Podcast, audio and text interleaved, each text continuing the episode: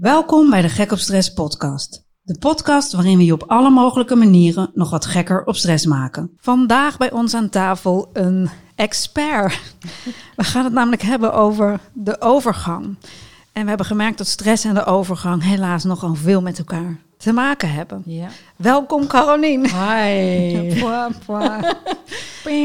Ja, jij eh, bent al bijna aan het einde van de overgang. Ik zit er middenin. Hmm. En we hadden het er laatst over op Ja. Heel veel van mijn trainingen. Als ik een soort top 10 laat zien van eh, stressklachten. eh, zitten daar tegenwoordig heel veel vrouwen tussen die zeggen: Ja, ik heb bingo op die lijst. Ja. Ehm, ik ben in de overgang. Dat was eigenlijk de aanleiding dat jij en ik daarover met elkaar in gesprek zijn gegaan. Jij hebt er inmiddels heel veel over geleden. Zo. Ja. Ik moest benadrukken dat je geen hormoonexpert bent, Nee. geen endocrinoloog. Disclaimer. Disclaimer, maar je weet er veel van. In ieder geval eh, genoeg om dit gesprek aan te gaan. Ja. We hebben een korte podcast waarin we een aantal dingen aan willen stippen. Eh, even de eerste vraag. Ehm, als mensen stressklachten hebben, dan zien we gebeuren dat mensen dikker worden. Dat ze grenzeloze gedrag gaan vertonen. Slecht voor zichzelf gaan zorgen, slechter gaan slapen, prikkelbaarder, emotioneler, vergeetachtig. Steeds vaker hoor je ze roepen, poeh, ik ben zo toe een weekend al op maandag. Ja. Nou, zo, dat zijn dan een aantal van die kenmerken. Mm. Maar ja, heb je nu stressklachten?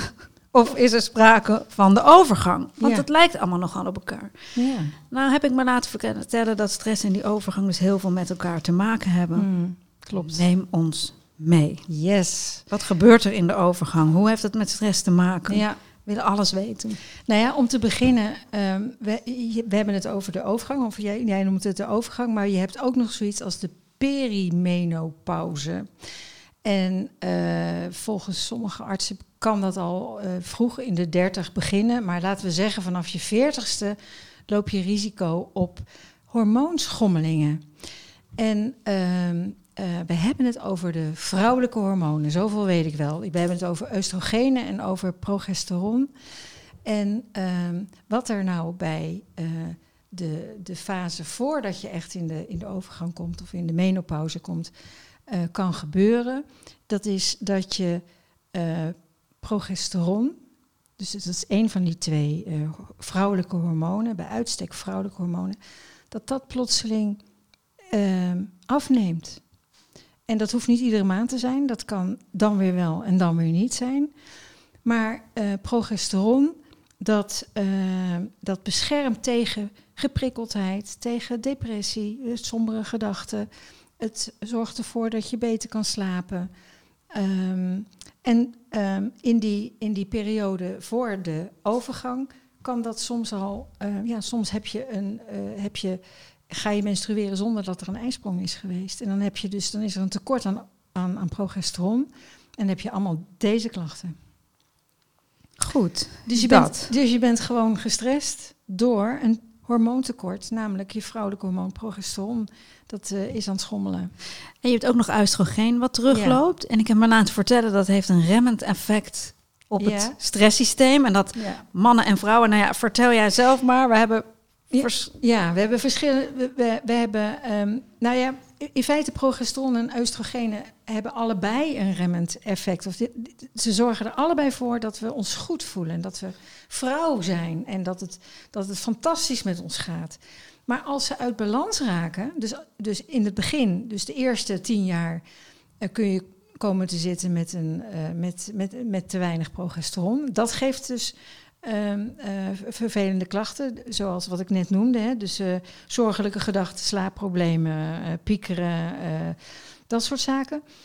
En dan op een gegeven moment gaat je oestrogeen ook nog naar beneden. En dan ben je helemaal zuur. Dan zijn de rapen gaar, als ik dat maar mag zeggen. Want ook dat heeft een slecht effect op je slaapkwaliteit.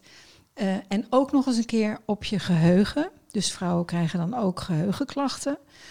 Ehm, eh, je menstrueert niet meer dan als, als, als de oestrogenen dat is dan een echt naar voordeel, denk ik. Maar goed, Dat is het enige voordeel wat ik heb kunnen bedenken. Ja.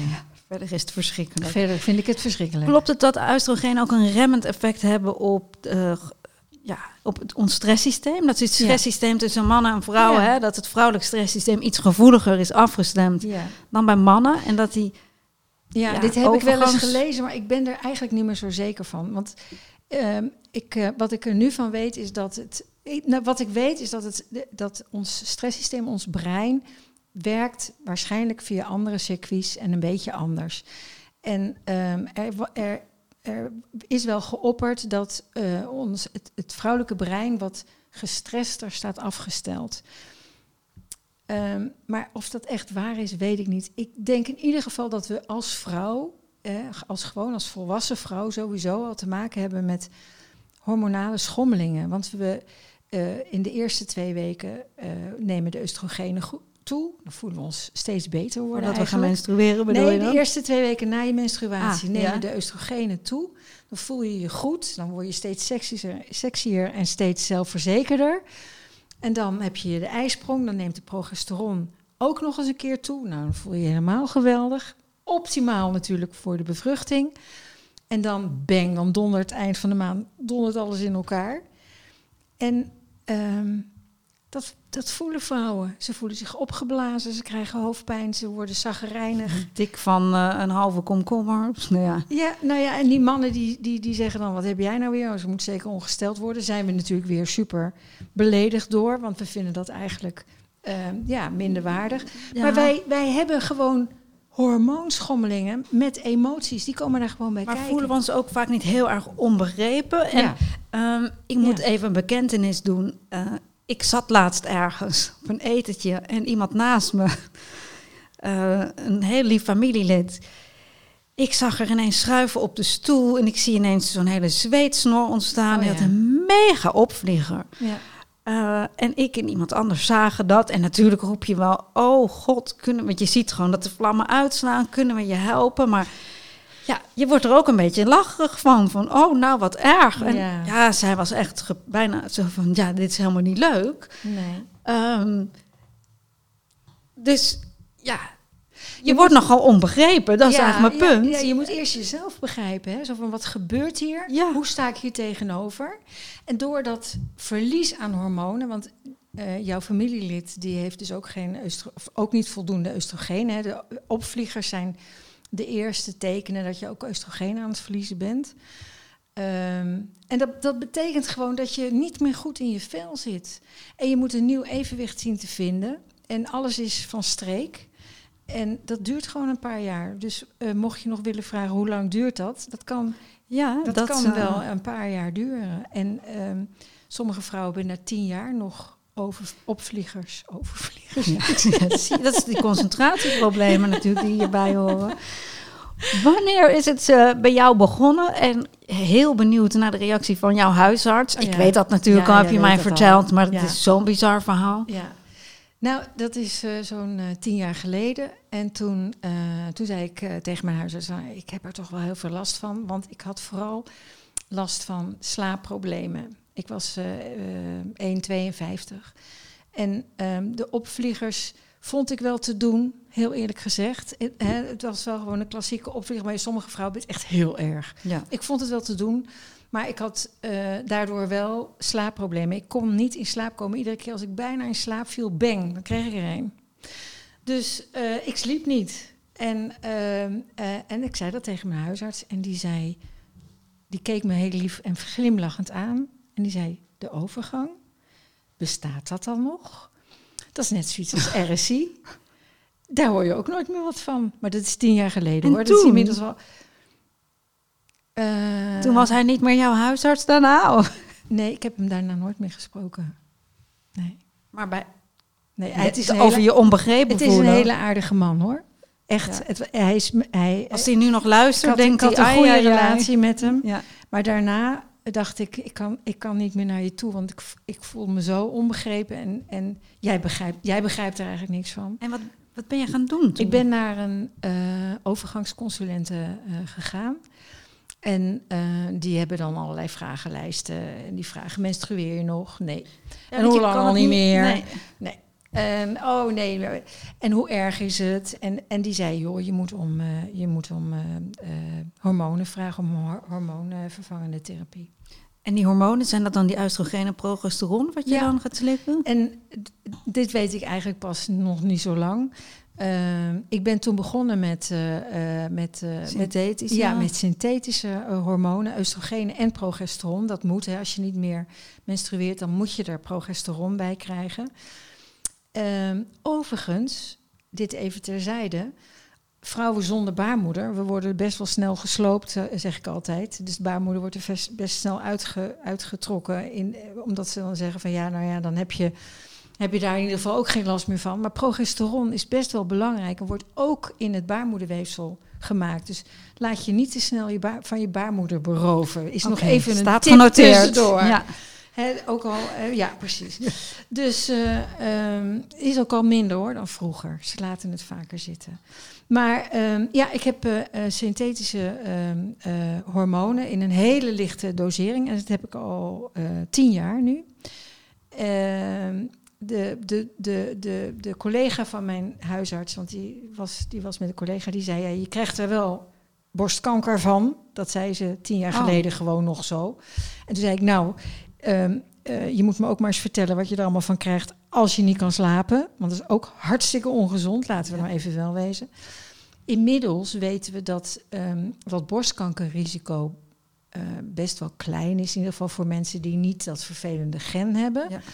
En ehm, tien jaar wordt als veilige marge gezien. Oké. Ehm, niet door alle artsen in Nederland, maar in ieder geval door artsen in Duitsland en ons omringende landen. Heb je tegenwoordig ook niet die bio-identieke, al die smeersels? die heb ja, je ik heb ook. allemaal Ja, vriendinnen ja, ja, ja, ja, die ja, die smeren zich rot. Ja, die zou ik nu gaan gebruiken, eerlijk gezegd. Omdat die eh, beter zijn voor je lever. Dus dat, het vraagt niet die, een omzetting van je lever. En je krijgt ook, eh, eh, dacht ik, andere progesteron. Dat is ook ehm, eh, wat. dat- Zodra het bio-identiek is, is het gewoon beter voor je hele lichaam. En ik zou daarmee beginnen. Ik zou daarmee beginnen. Als dat niet helpt, kan je altijd nog naar de hardere middelen. Maar daar zou ik mee beginnen. Je zei net even, hè, je bent naar zo'n eh, consulente gegaan. Ja. Volgens mij heb je nu ook de overgangspolie in Ja. ziekenhuizen. Ja. Eh, ik hoor ook regelmatig van mensen in mijn omgeving, ja, die ga ik naar de huisarts, die zeggen, ja, dat is niet te meten. De een wordt wel doorverwezen, de ander niet. ja. Eh, maar je meet het vooral met vragenlijsten. Ja, maar je kunt ook, eh, je kunt ook bloedwaarden eh, laten meten. Dat kan wel degelijk. En wat en je meet kunt, je dan? je kunt ook de progesteron laten meten. Want Ja. dat geeft dus ook al enorme Ah. klachten. Hè, wat ik net vertelde, die, die, die eh, perimenopauze. En dan kun je progesteroncapsules bijslikken. Dat kan enorm schelen. Dus ik ken wel een voorbeeld van een vrouw met alle burn-out klachten. Die door een hele deskundige eh, specialist is gezien. En het was geen depressie, het was geen burn-out. En ze zagen in het bloed dat ze een tekort aan progesteron had. Nou, want ik moet eerlijk zijn. Ik heb een aantal keer mensen meegemaakt dat ik dacht, ja, je tikt alle boxen van een Ja, burn-out, ja. maar dan ook echt allemaal. Ja, Eh, en daar die parallel ook wel een onderzoek van naar de overgang. En die bleken toch allemaal in de overgang te zijn. Wel, wacht even, je burn-out ben je na een hele lange tijd roofbouw op jezelf. ja, de term wordt natuurlijk veel misbruikt. Ja. Hè? Hebben we ook in de andere podcast gaan we daaruit. stressklachten. Ja, dat is het. stressklachten En dat heb je gezegd. ook. Ja, ik wil, daar ga ik zo op terugkomen. Want ik ben zo benieuwd. Ja, dan slik je die medicijnen. Ja. Dat je denkt, is dat niet een pleister plakken? Want er komt een punt dat je gaat stoppen met die Pillen of ja, smeersels. Ja, ja, Ja, nou, dan zijn je, is je progesteron misschien helemaal verdwenen en je cortisol. Gaan dan niet al die klachten weer terugkomen? Ja, ja, ja, nou een beetje wel. Ik, eh, ik zit in die fase, dus eh, wat dat betreft ook ervaringsdeskundige. En ehm, ik ben in overleg met mijn huisarts heel langzaam aan het minderen. En ik heb toevallig ook een gynaecoloog eh, gezien. En die zei, joh, je moet heel langzaam minderen. Die, die, die moedigde me eigenlijk aan om nog langzamer te minderen dan wat de huisarts adviseerde. En eh, met die bio-identieke middelen kun je gewoon dat kan, dan kan dat nog makkelijker eigenlijk. Dan, dan heb je niet een pil die niet onbreekbaar is, want dat heb ik. Dus ik moet om de dag of om de twee dagen of zo. Maar met smeersels kun je echt eh, heel makkelijk minderen. Maar dan stop je. Is die progesteronlaag, oestrogeenlaag? Waarom komen al die klachten dan niet heel hard weer terug? omdat, je, eh, omdat je langzaam je lichaam wendt aan nieuwe omstandigheden. Ja, je, wordt, je lichaam gaat een beetje lijken. Het enige wat, je, wat stabiel is, is je testosteron. Dus, eh, eh, dus je, je gaat een beetje op het mannelijke lichaam lijken. En dat heeft tijd nodig. Daarom krijgen we ook snor. Krijgen we een snor? Oh jongens, wat staat me allemaal te wachten.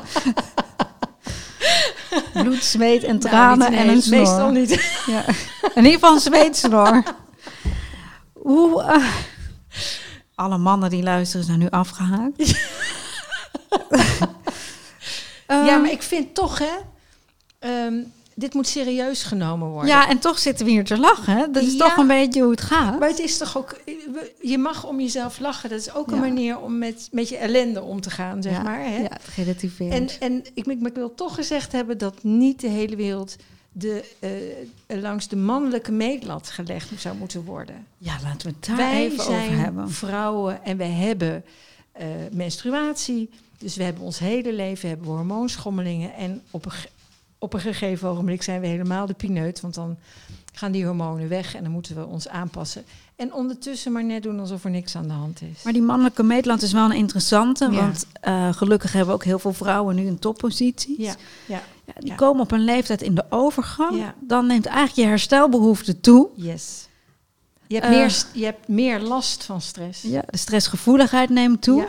En toch wil je op datzelfde niveau presteren als misschien wel je mannelijke collega's. Hè? Want als dat een meetlat Ja. is.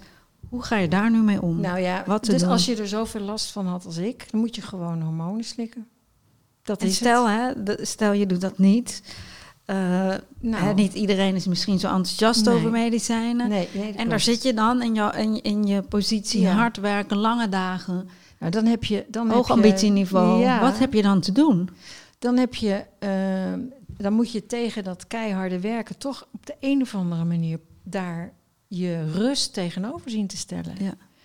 Hoe je, als je dat, hè, als je niet ziek wil worden, dan moet je dat doen. Dan moet je dus heel goed voor jezelf gaan zorgen en ga in godsnaam niet als gek lopen sporten.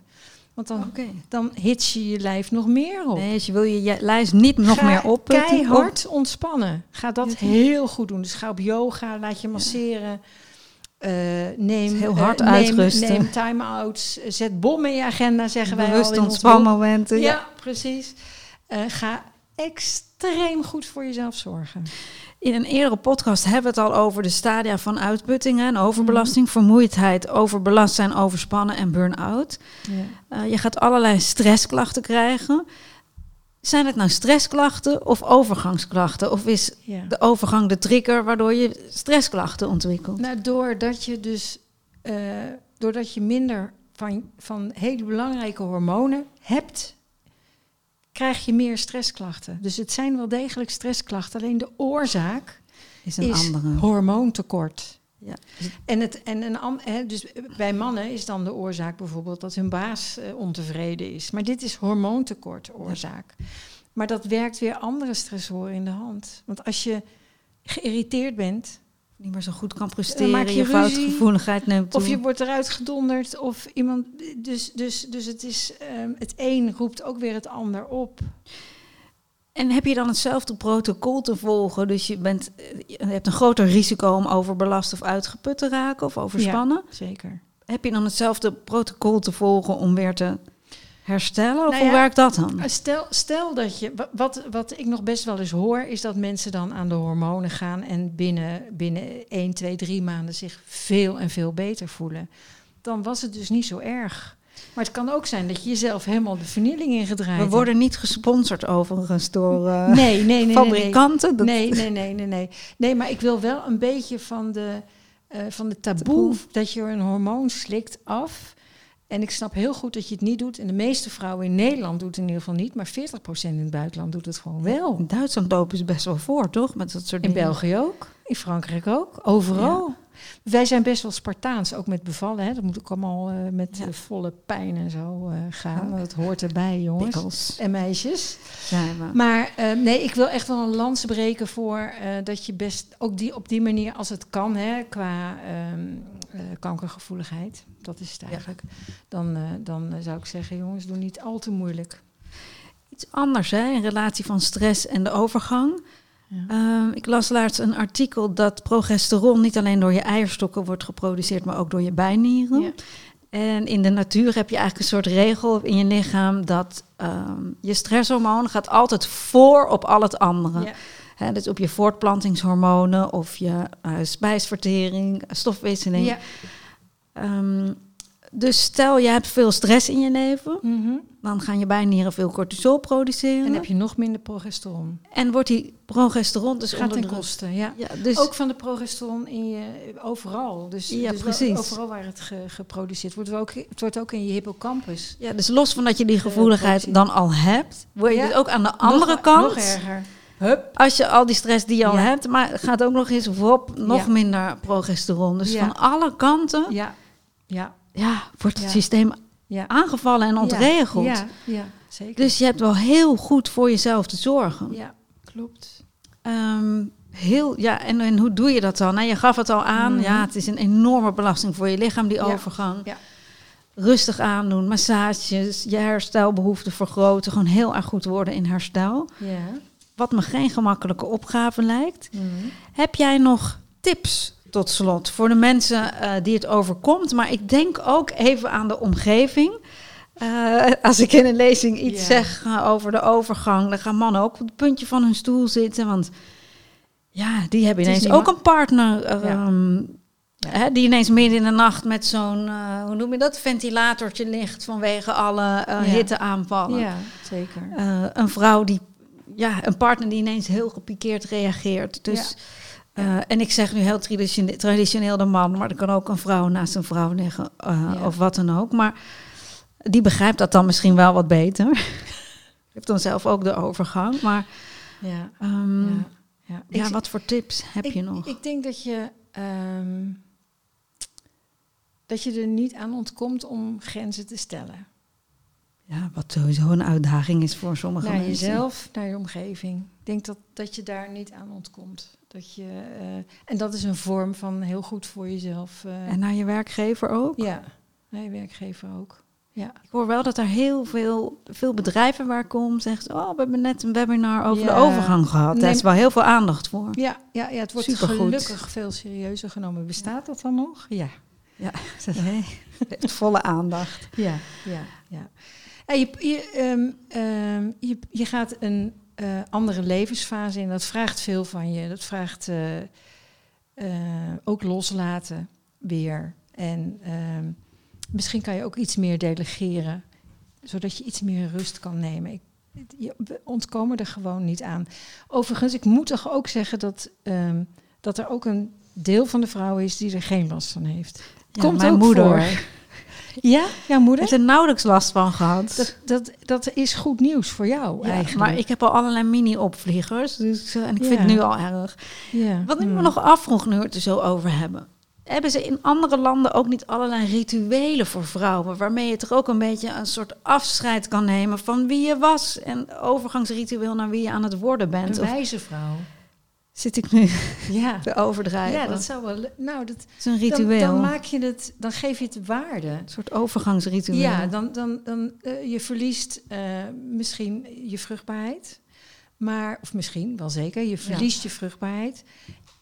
Je bent minder sexy, helaas. Dit is echt, eh, hè, dus daar, daar moet je afscheid van nemen.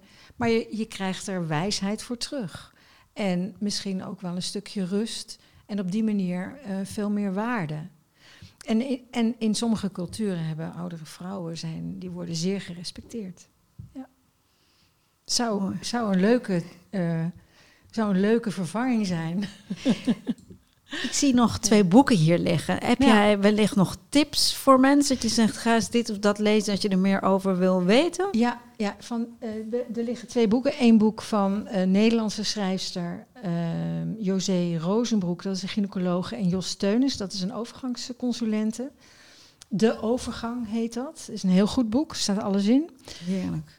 En een boek van twee Duitse schrijfsters, dat is recenter, De Kracht van Hormonen, heet dat. Van eh dokter Suzanne Esche en dokter Suzanne Kirschner. En dat heet eh, De Kracht van Hormo- Hormonen. En er staat op een... Even hier op de... Ja, laat het even zien. Het boek dat iedere vrouw zou moeten lezen, van boven de 40, zeg ik er dan even bij. Ehm, en ik geloof dat, ik vind het wel een goed boek. Dus het gaat niet alleen over de overgang, maar het gaat ook over uh, schildklierhormonen en stresshormonen. Dat is gewoon een veel breder boek. Dus de kracht van hormonen vind ik echt wel een aanrader. Ja, en hormonen spelen natuurlijk een he, hormonen en neurotransmitters spelen een heel belangrijke rol in die stressrespons. Dus ja, in ons hele, in ons hele lijf en leven eigenlijk. Uh, en ook, ja. ook hier gaat het weer om de fijne balans. Ja. Dankjewel, Caroline, voor al deze boeiende informatie.